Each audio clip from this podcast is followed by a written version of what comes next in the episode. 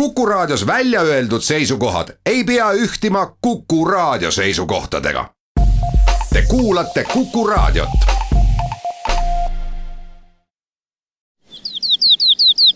läbi Eesti. rändureid varustab Makasport tere, tänane saade tuleb Otepäält ja alustan Jaanus Raidaliga, sellepärast et tema on mees, kes on siin võimukatla juures või võimukatlas või suisa selle leevekulbi liigutaja olnud väga pikka aega ning kui äratas tagasi kerida, siis jõuame suisa iseseisva Otepääni välja, kuid järgmised intervjuud räägivad nii võimuheitlustest ja võitlustest kui ka sellega seonduvalt asjadest, mis on kogukonda siin väga liitnud ja suured spordivõistlused jätame kõrvale, küll aga kutsume teid ka Otepääd vaatama ja ka Otepääle kuulama. nii et äh, jälgige meie saadet ja intervjuude kaudu, usutluste kaudu saate kohe siis äh, lähemat teadvust. saadet veab Madis Ligi kui nüüd äh, vaadata seda Otepää lähiaastakümnete ajalugu, siis alati me leiame, et üks ja teine ei meeldi ehk võim läheb omavahel riidu.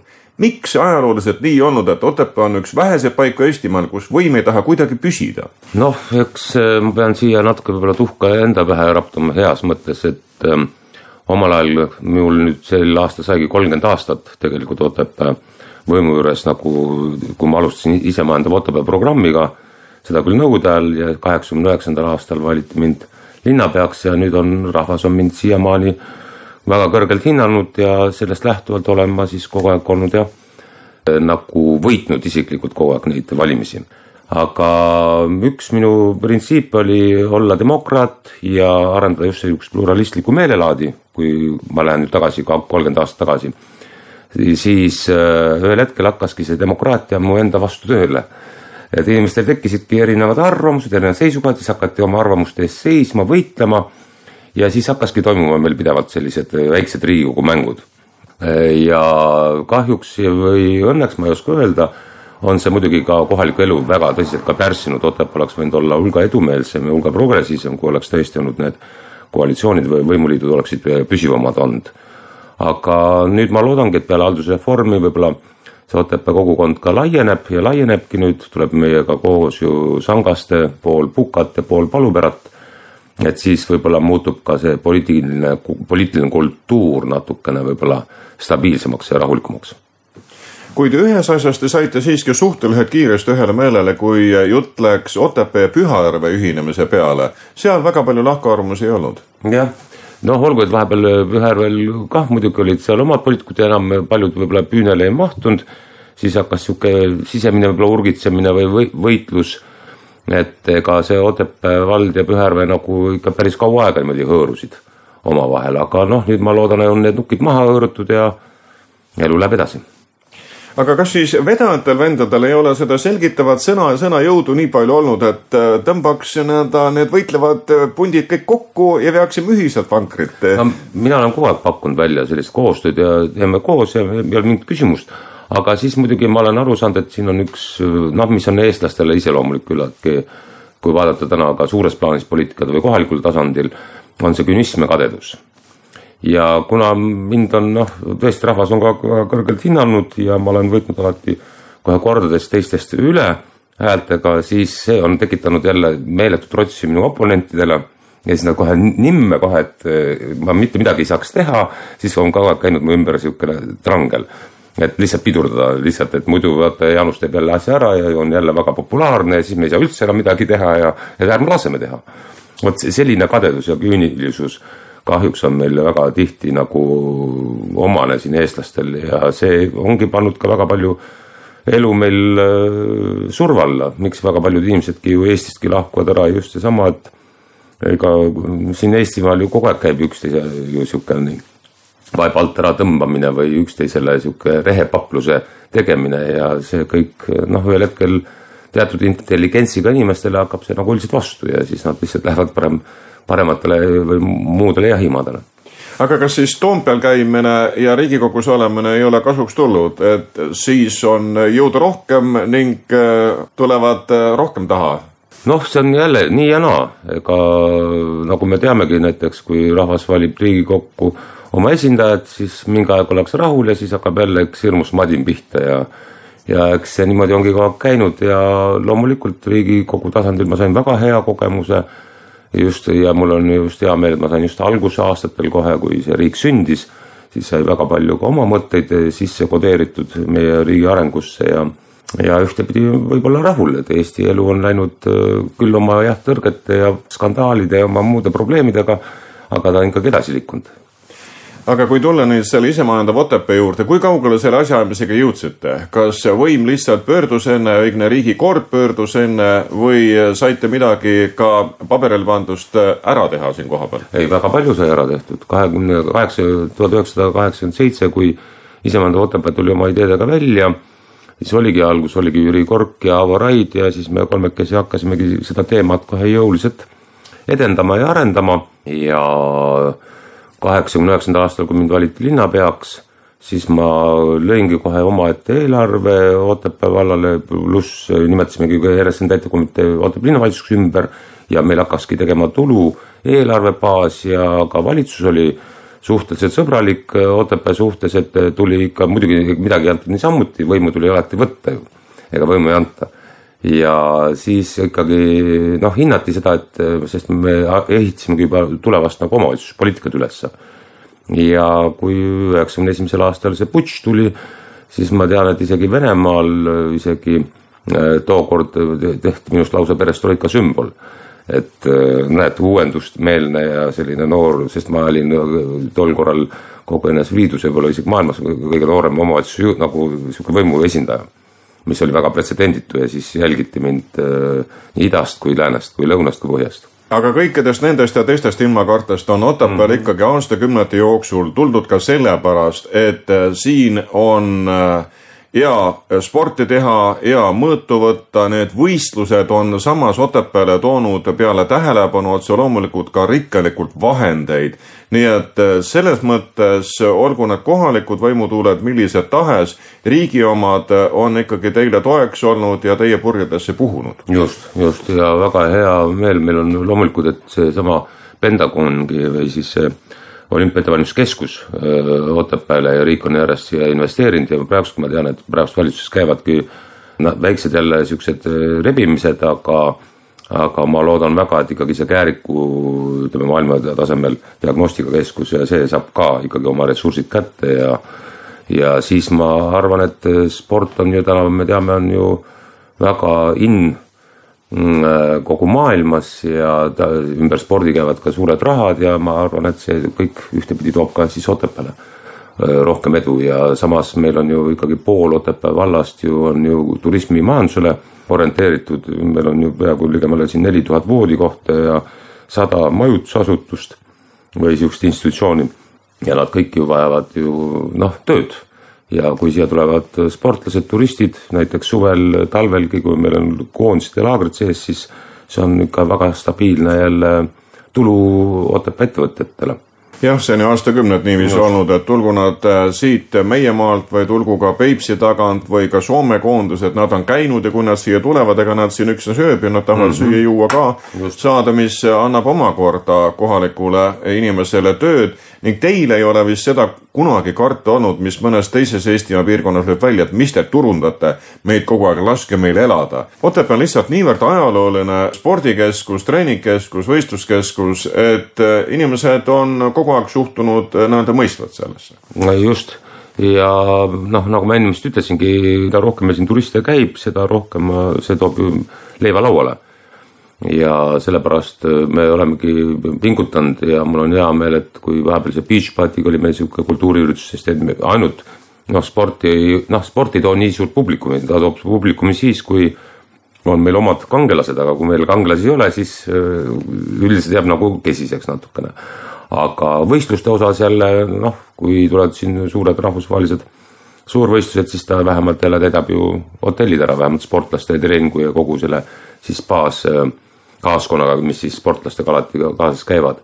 aga kultuuriüritused on meil ka väga prioriteetsed just, et äh, oleks siin ka inimesi, kes tahavad siis siin lihtsalt lõbutseda, puhata ja nautida ilusat loodust. et ei pea ainult rügama ja higistama siin sporti tehes, vaid sa saad siin nautida ka kõiki meie saunasid ja näiteks, mis on, meil on väga populaarne ju on saunamaraton siis nüüd on Pühäru Jaani tuli nüüd uus traditsiooniline ettevõtmine Retropest, mis on väga vajalik just, ma just naersingi, kui ma käisin vaatamas mõlemat üritust, vaatasin kõigepealt jaanitulel on noored, kakskümmend pluss, kolmkümmend, ütleme selle vanuses ja siis on nelikümmend pluss. ja ongi mõlemad põlvkonnad, kõigil oma üritused ja omad tegemised Jaanus Raidal, kui ei ole tähti, keda sporditaevas kummardada või kultuuritaevas, siis olete te need tähed leidnud ka vee alt või täpsemalt jää alt, sellepärast et üks, mis on tuhandeid inimesi kokku tõmmanud, on ju kuldkala, mis siin Pühajärvel on toimunud mitmel-setmel korral, nii et Otepää tänu oma maastikule ja äh, sellega seotud võimalustele on magnet aasta läbi, igal aastaajal. jah, ma isegi olen jälginud, mul on päris paljud erinevad regioonid öelnud, et mis magnet siin Otepääl on, et kui Otepääl midagi tehakse, siis alati tuhanded inimesed on kohal. ja noh, võib-olla tõesti see maastik ja loodus ja inimestele meeldib see koht ja ja meil on selle üle ainult hea meel. et e-, Eesti inimestele meeldib siin käia, olla ja tulla ja see meeldib ka jah, meie idanaabritele, meeldib ka meie põhjanaabritele ja selles mõttes me muidugi oleme huvitatud enda turundamisest ka muidugi kogu Euroopas ja maailmas võtame ette ka selle haldusjaotuse, mis meid nüüd ees ootab vaieldamatult ka kõikide elu mõjutab. kuidas nüüd kohalikul tasemel tunnetab neid hoovuseid mees, kes on söönud võimuleiba nii siin Otepääl kui ka Toompeal, kas kõik on läinud nii, nagu äh, inimesed ka tahavad, äh, kui Otepää peal või siin ümbruses äh, teistega kaasmaalastega sel teemal jutt üles tuleb? jah, meil läks, liitumine läks meil väga-väga rahumeelselt ja selles mõttes Otepää ei hakanudki üldse nagu ise nagu midagi eriti enda poolt nagu peale surumagi, sest kuna me noh, me jääme nagu siukseks tuumiks vallaks, siis Sangaste ja kõik ideed ja mõtted nagu inimestelt tulid, neid me alati arvestasime, mis oli võimalik ja ja selles mõttes on nagu asjad nagu paigas. muidugi kahju on, et kaks omavalitsusüksust nagu pooldusid, Puka ja Palupera. et üks osa läks ära siis Hellenurme poole ja üks osa siis tuli Otepääle ja Pukast ka siis Aakra osa läks äh, siis sinna Rõngu suunas ja siis teine osa siis nagu Otepää suunas, aga noh, me arvestasime alati rahva arvamustega, kuidas inimesed nagu elanikkonnad nagu soovisid ja nii siis ka läks kas need lahendused, mida nüüd üle riigi on välja pakutud, äh, viivad meid sinna, kuhu me tahame, ehk et äh, tõesti, Eestimaa saab äh, nüüd võimsama arengutõuke ning need suuremad vallad saavadki tegijateks? no ma olen nüüd jälginud oleks meie võimuparteid Keskerakonda, kes seda haldusreformi niimoodi suunab ja juhib ja vähemalt kogu programmiliselt, mis nad on paika pannud, kui nad selle kõik ära teevad, siis on ta absoluutselt öö, naelapea pihta kõik, äh, kogu haldusreformi kujunemine, selgelt tulubaas peab kasvama, tuleb kindlustada ikkagi omavalitsustele, äh, sest et äh, see on ebanormaalne, kui riik peab siin noh, tegelema kõigega, vaid mina juba algusest peale, kui isemandavat Otepäätki arendasime, et see, mis saab teha perekond või kodu või kogukonnad ise ära, teevad ise ära, see, mida nad, nendel enam jõudu üle ei käi, siis ongi kohalik omavalitsus, kes siis pakub teenuseid ja teenindab ja korraldab, siin on see kommunaal või on see siis heakord või on need sotsiaalteemad ja see, millega enam omavalitsusüksused noh, ei olegi pädevad ega ei ole võimelisedki, vot siis sellega tegeleb juba riik. on see tervishoiupoliitika või on see siis äh, hariduspoliitika või on siis äh, regionaalpoliitika ja riigikord ja riigikaitse ja nii edasi kunagi, kui hakati nende haldusjaotuste üle, võimalike variantide üle mõtteid vahetama, siis käis Valgamaalt läbi see kolme variant, et Valga, Tõrva, Otepää peaksid olema need tõmbekeskused, nagu tollal nimetati. selle juurde te olete ka jäänud? jah, nii nagu algusest peale on pandud, nii ongi nüüd läinud.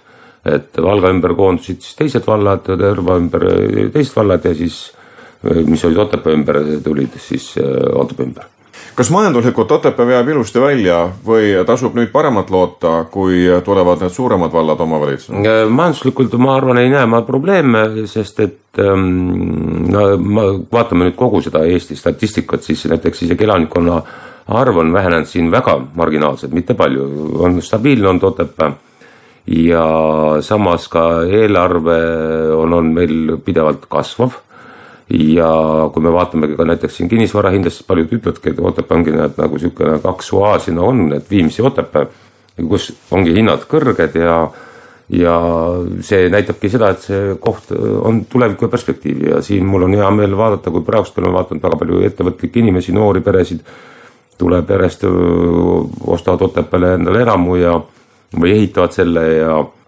ja me pidevalt väljastame ehituslubasid iga nädal, kogu aeg järjest tuleb, nii et see on ainult, ainult positiivne. Ega siinkandis vist vaba vana talu küll ei ole, need no, on ammu üles ostetud. jah, seda ka, aga muidugi meil, mis on, kellega ma olen isiklikult pidanud väga palju pidanud võitlust tegema, mitte noh, halvas mõttes, aga just, et on meil see looduspark. See on meeletult tegelikult pidurdanud Otepää arengut ja oma bürokraatiaga ja oma seadusandlustega ja nad noh, niivõrd palju, et ma nüüd ise loodan ka, et kui vald eh, nüüd saab suuremaks, siis me oleme ka võib-olla riigiga juba noh, paremad partnerid nendest teemadest rääkima, et me ei saa ju teha niimoodi, et kaitseme siin putukaid ja mis iganes ja siis inimesed on nagu üldse nagu mängust väljas, et nii liiale ka minna ei tohi ja see on, äh, looduspark on jah, tänu oma menetlustega väga palju äh, piiranud Otepää majandus, kui seda ei oleks nii palju olnud, siis ma arvan, oleks Otepää hästi õitsev äh, regioon olnud. Jaanus Raidal, kunagi Vene ajal oli nii, et Otepää üks suurimaid tööandjaid oli Otepää autoremonditehas ja praegu vist on see vineeritehas, mis tänu põhjanaabritele on siia tulnud ja mis laieneb kogu aeg. mis on iseenesest ju väga hea märk. just no meil on nüüd äh, just sai betoonitehas, meil on olemas, siis on, tuleb nüüd äh, veel uus ettevõte, kus on, tuleb ligemale kolmkümmend, nelikümmend töötajat, on betoon siis plokkide valmistamine, kuna betooni kohe valmistatakse ka Otepääl ja siis on vineeritehas ja siis on meil Otepää Pühajärve spa, mis on ka väga suur tööandja. Ja siis juba teised äh, väiksemad firmad siia juurde, Edgar näiteks meil on algusest peale, kui ta sündis lihakombinaadikuna, on väga tublisti ennast äh, vee peal hoidnud ja on arenenud ja laienenud ja teinud sortimenti osas meile rikkust, nii et äh, ettevõtlus on olnud suht stabiilne, et ei ole olnud ja selliseid väga raskeid aegu ei ole olnud.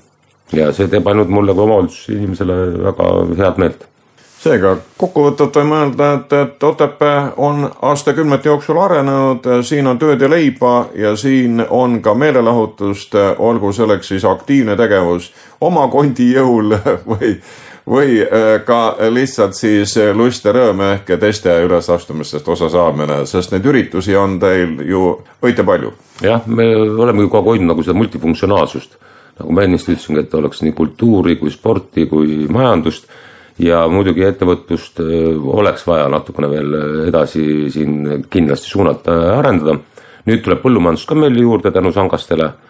et muidu oli Otepääl jah, nagu liiga selline, ega siin Otepää vallas vist ainult üks talunik vist ongi ainult jäänud oma kahekümne lehmaga, ega rohkem ei olnudki et nüüd vähemalt tuleb siis teravilja, tuleb sangaste rukkis ja tulevad ka juba karjad, et nii, et me muutume selliseks äh, multifunktsionaalseks ja majandusliku regiooniks, mis äh, ma annan lõpptulemusena, kui tuleks siia veel mõned suuremad investeeringud ka veel, siis ma arvan, ka kohalik noorsugu peaks jääma rahule, et äh, oleks ka tööd, et ei peaks ära minema laia maailma aitäh, esine intervjueeritav Jaanus Raidal ning saate järgmised osad räägivad juba sellest, mis Otepää kogukond on liitnud, mis on need võitlused, mille nimel on ühinetud, kirju kirjutatud, loosungeid lehvitatud, välja tuldud ja üht-teist öeldud, teinekord liigagi palju öeldud, pärast lepitud ja jällegi lahendus leitud. läbi Eesti. rändureid varustab Makasport jätkan saadet juba Pentagoni lähistelt. jah, tõesti, selle nimega paik siin Otepääl on ja oleme suusastaadionil koos Teet Rediga ja minu arust sina koos oma mõttekaaslastega võiksid olla teistele eeskujuks, kuidas siis heidelda ja võidelda oma asja eest. olgu tegemist siis kooliga või olgu tegemist millegi muuga ning nüüd me seostame järgneva jutuga veel haldusreformiga, kuid esmalt oli vist, mis teid hakkas liitma ja ühtse loosungi alla tõmbama, oligi see kooli kaotamine. jah, nii ta on, et see on küll teema, millest võiks väga pikalt rääkida, aga kui püüda lühidalt teha, siis eh, kui üks kogukond eh, on harjunud kasutama mingisuguseid eh, teenuseid või objekte, mille kohta neile öeldakse, et nii, nüüd me paneme selle kinni, siis on arusaadav, et inimesed tõusevad tagajalgade peale püsti.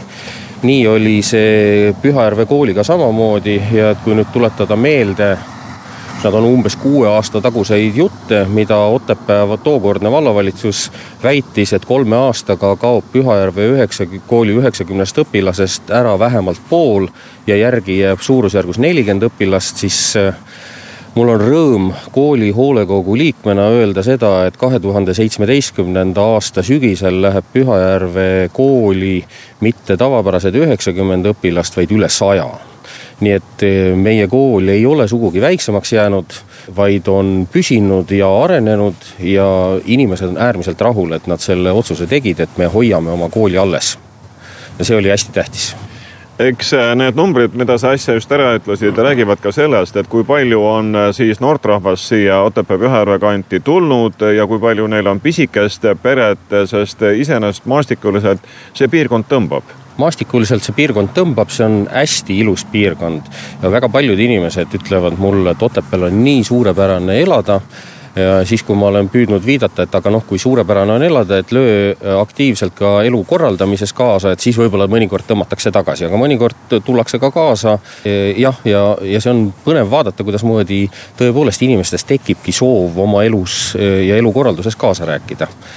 et, et piirkonnana on vahva ja kena Te tollal kooli eest võideldes ei avaldanud üksnes arvamust, vaid te tulite suisa välja, sest lehvitati loosungeid ja, ja hüüti oma mõtteid kõval häälel jah, me tegime erinevaid üritusi, me tegime miitinguid päris mitu korda, soovisime, et meie kooli juhti, direktorit ei vallandataks ja see otsus võeti tagasi.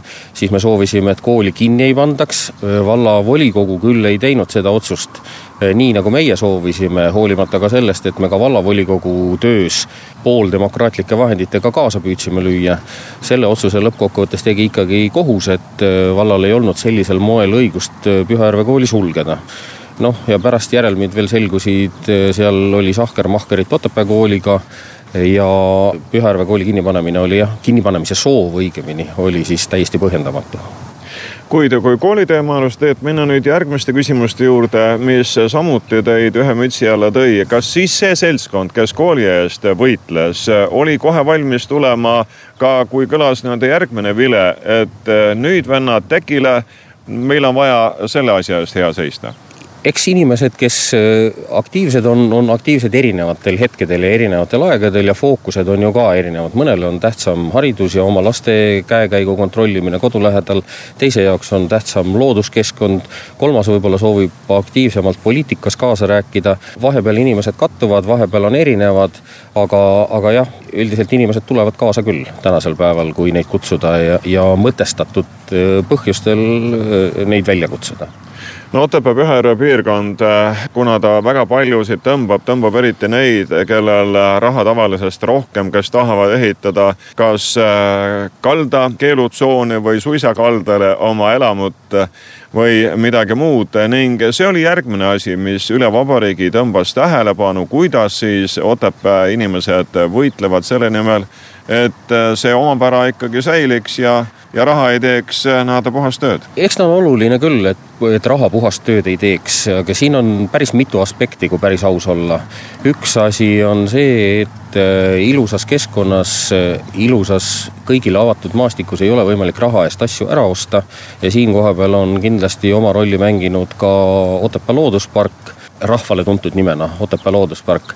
teisest küljest võib-olla keerab meie looduspark mõne koha peal ka vinti natukene üle ja, ja minu mälu järgi Otepää looduspark üleüldse loodi traditsiooniliste maastike kaitsealana, mis tollel ajal tegelikult tähendas ju puhtaid järvekaldaid ja vaadetele avastud, avatud maastikku.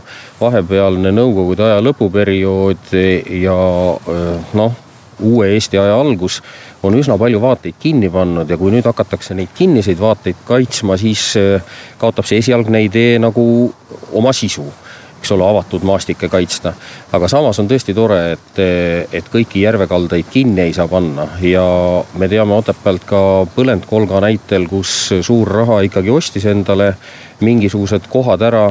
Ja väidetavasti on ju päikesetõusust päikeseloojanguni kallasrada jalutajatele avatud aga see avatud olek tähendab ikkagi seda, et sa kõnnid võõra inimese aia juurde, pead selles aias oleva värava avama, sealt eh, siis sisse minema, selle sulgema, teiselt poolt jälle avama, selle sulgema.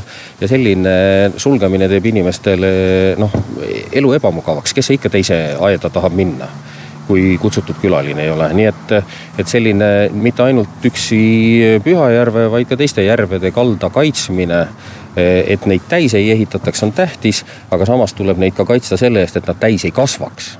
ja see on ka tähtis samamoodi ja tähtis on ka see, mis hakkab juhtuma nüüd nende liitunud kogukondadega siis, kui vallad sügisel leivad ühte kappi panevad kas äh, olete juba hingamas ühises rütmis siis nendega, kellega heas mõttes kokku lähete? mul on rõõm öelda, et osaliselt jah et otsest vihavaenu või tüli kindlasti ei ole ja see on väga vahva.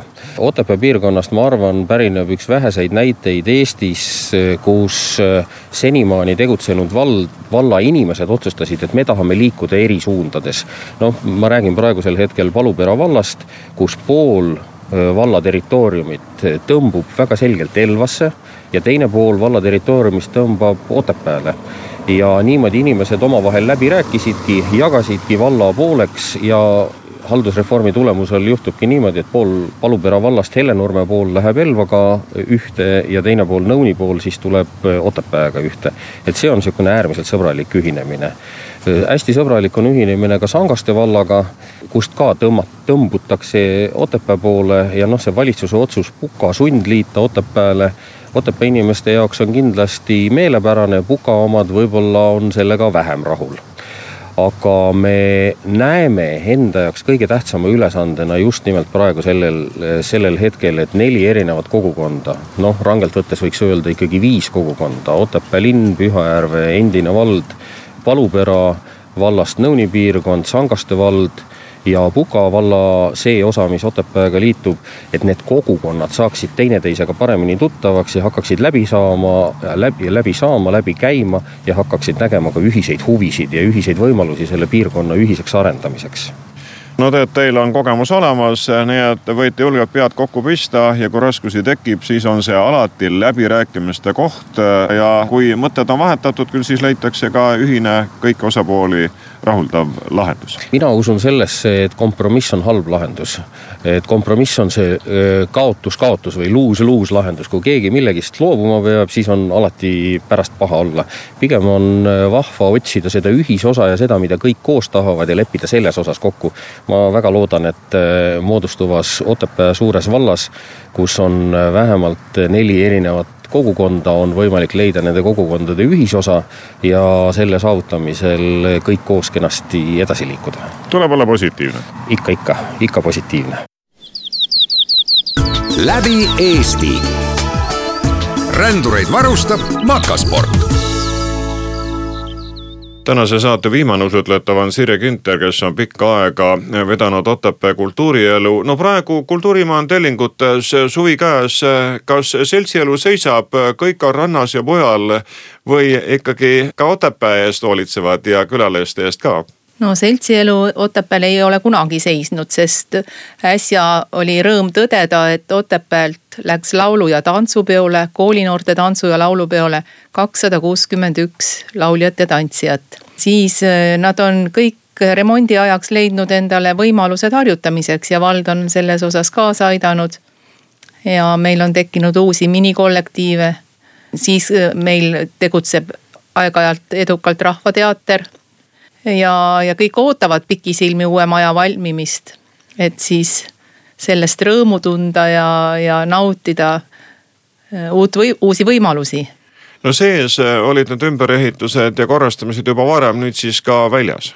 aga see on nii, et ennem tehti ära esimene korrus ja seda vist ei suutnud keegi ette kujutada, kui ilus see tuleb.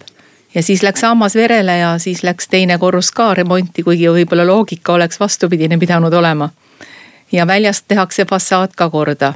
nii et ja talveaed tuleb talvepealinnas peabki ju talveaed olema. Te olete nüüd igasuguste üritustega seda talve püüdnud ka kaunistada, et kui taevateatrile lund andnud, siis äh, olete te ise seal kesklinnas toimetanud selleks, et talve nagu rohkem oleks. ning see on rahvast toonud ja Otepää peabki ju tõmbama rahvast, olgu suvine või talvine puhkus.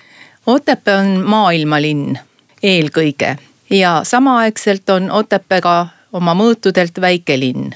Ja siin tuleb leida selline kuldne kesktee, sest tegelikult tuleb austada kohalikke elanike privaatsust, sest nad on valinud selle elupaiga, nad on põlised otepäälased.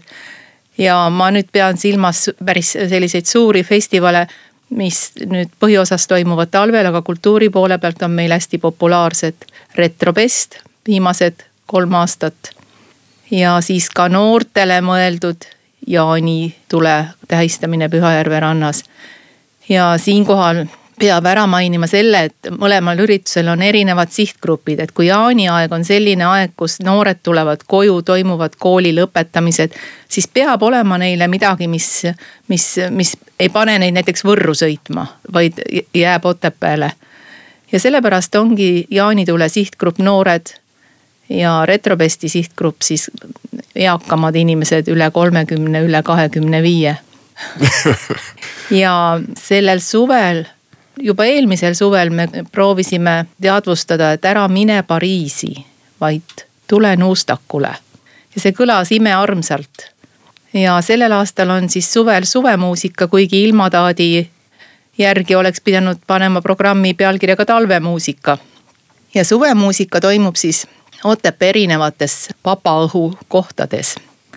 on lipuväljakul on Veikpargis, on kirikus ja kokku suvemuusika sildi all toimub kuusteist kontserti.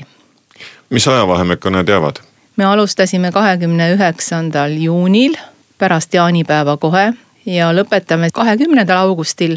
aga seitsmes august on Naised köögis Otepääl Veikpargis ja kahekümnendal augustil on siis taasiseseisvumispäeva kontsert kirikus nii et on põhjust äh, Otepääle tulla ja Otepääl olla ka suurel suvel. ka nendel inimestel, kes ei taha sportida, kes ei taha ronida näiteks hüppetordi äh, seinal või minna seiklusparki, ka neid võimalusi on loomulikult äh, mõistlik suvel kasutada, kuid saab ka sellist kultuurilist meeleahutust saab küll ja ma, ma tahan rõhutada seda, et Otepää võlub tegelikult oma kuplite, kaunite järvesilmadega oma, oma vahva külaeluga. et ähm, see on vaatamisväärsus omaette, see kaunis loodus ja iga õue peal korraldatakse midagi vahvat. näiteks Pedajamäe küla kino näitamise võimalus, siis muusikaõhtud. ma ei saagi siin kõike eraldi ära nimetada. iga, iga hoovi peal toimub midagi toredat ja ollakse väga külalislahked. ja kui oli see Retropesti festival siis oli tore vaadata, kuidas ürituse korraldaja pidas läbirääkimisi Aedlinna elanikega, Pühajärve äärse elanike esindajatega, et kuidas üheskoos seda mõnusaks teha ja kuidas leida vahendid ja võimalused, et mitte häirida kohalikku elu ühe suurürituse korraldamisega no kui sa Pühajärve juurde juba jõudsid, siis äh, selle ümber joostakse, sellel ujutakse, äh, sõutakse, aerutatakse, on väga mitmesuguseid veelõbusid nüüd suvel võimalik maitsta, kuid selle ümber tehakse ka teatrit. kas ka sel suvel? sellel suvel ma ei tea, ma ei ole kursis, aga teatrit võib igal ajal ju kasvõi üleöö teha no öösel teil ja õhtul on ka laulupidu peetud ja, ja koore üle Eesti kokku kutsutud ju no ikka jah, laulupidusid on meil mitmesuguseid ja Otepääl on, kuidas öelda, registris siis see talvine laulupidu. väga tore traditsioon, talveöö laulupidu, mis nüüd vahepeal pidas pausi ühe talve. sest tegelikult hakkas lauljatest kahju, sest oli, oli väga külm ja siis korraldajad mõtlesid, et võib-olla mitte nii tihti neid talveöö laulupidusid teha. muidu väsib asi ära iga asi väsib ära, ma panin ise sellel aastal tähele, et paljud üritused, mis on mujal Eestis ka, võtsid pausi. kuid iga endast lugupidav koht peab suvel ka laata, Otepää ka? Otepääl on traditsiooniline käsitöö ja rahvamuusikalaat, mis ka sellel aastal toimub. ja muidugi, mis on väga vahva suvemuusika raamidesse, on pikitud ka meie kuulus puhkpillimuusikapäevad mis siis äh, toimuma hakkavad juuli lõpupoole ja see on ka vahva, see on nii vahva tegelikult, et Otepääl see orkester on. et me ei saa enam ilma selleta läbi, et, et ma ei kujuta ette päeva, kui, kui näiteks muusika ära keelatakse. Ja kõik pillid vaikivad ja laulda ei tohi, loodan, et keegi selliseid korraldusi kunagi andma ei hakka. tere, Ginter, sul on kultuuride kogemus nii ülikoolinnast Tartust kui ka Otepäält. nii et sa oled näinud erinevaid inimesi erinevatel ajastutel, kuidas nad siis kultuurijuhtidega ja nende loodud võimalustega ning üleskutsetega kaasa tulevad. kas praegune aeg on selline kultuurialdis aeg, et inimesed tahavad ise teha tantsu lüüa, laulda ja seda kõike ka teistele pakkuda või ollakse rohkem orienteeritud selle peale, et saaks osa võtta, vaadata-kuulata? mina tulin Otepääle täpselt kümme aastat tagasi ja ma võin öelda küll, et Otepää on küll väike linn, aga seal tehakse palju ja ta erineb selle poolest, et seal käib vilgas seltsielu väiksemates gruppides, väiksemates kogukondades ja inimesed on jõudnud tagasi sinna, et tuleb ise teha. ja mida rohkem seda isetegemist märkad ja, ja annad võimalusi, siis inimesed on hästi aldid seda kõike kaasa tegema ja lööma. et meil selle kultuurimaja remondiperiood natukese hoidis seda tagasi, seda isetegevuse võimaluste pakkumist, aga nüüd, kui kõik uuesti korda saab, siis ma arvan, et see veel hoogustub. Pealegi läheb teil nüüd omavalitsus ka suuremaks, kultuurijuhil on ka seda enam. Nüüd muresid ja hooli ja rõõme ka loodetavasti. kõige olulisem, mida ma pean silmas, on märgata neid inimesi nagu eelmistest intervjuudest läbi käis, Otepää kanti Pühajärvele tahetakse tulla ning äh, märgid näitavad, olgu nad siis koolis või kusagil mujal elamuehituses, maakodude rajamisel, suvilate tegemisel. et teekandis liigub järjest rohkem rahvast ja on ka paikseid piisavalt palju. ja muidugi on, sest inimesed ihkavad paljajalu kaunis looduses ringi jalutada, nautida perega veedetud aega ja Otepää tõesti pakub seda, nii et äh, tulge Otepääle, ärge minge Pariisi, tulge Nuustakule no nii, kallid kuulajad, võtke siis omaks äh, need selgitused äh, ja kutsed, mis tulid täna Otepäält ja Pühajärvelt. mikrofoni juures olid Otepää vallavolikogu aseesimees Jaanus Raidal, kodanikuaktivist ja Pühajärve põhikooli hoolekogu liige Teet Reedi ning Otepää kultuurijuht Sirje Kinter. reporter oli Madis Ligi. aitäh kuulamast nautige Otepääd ja Pühajärve ning tema ümbrust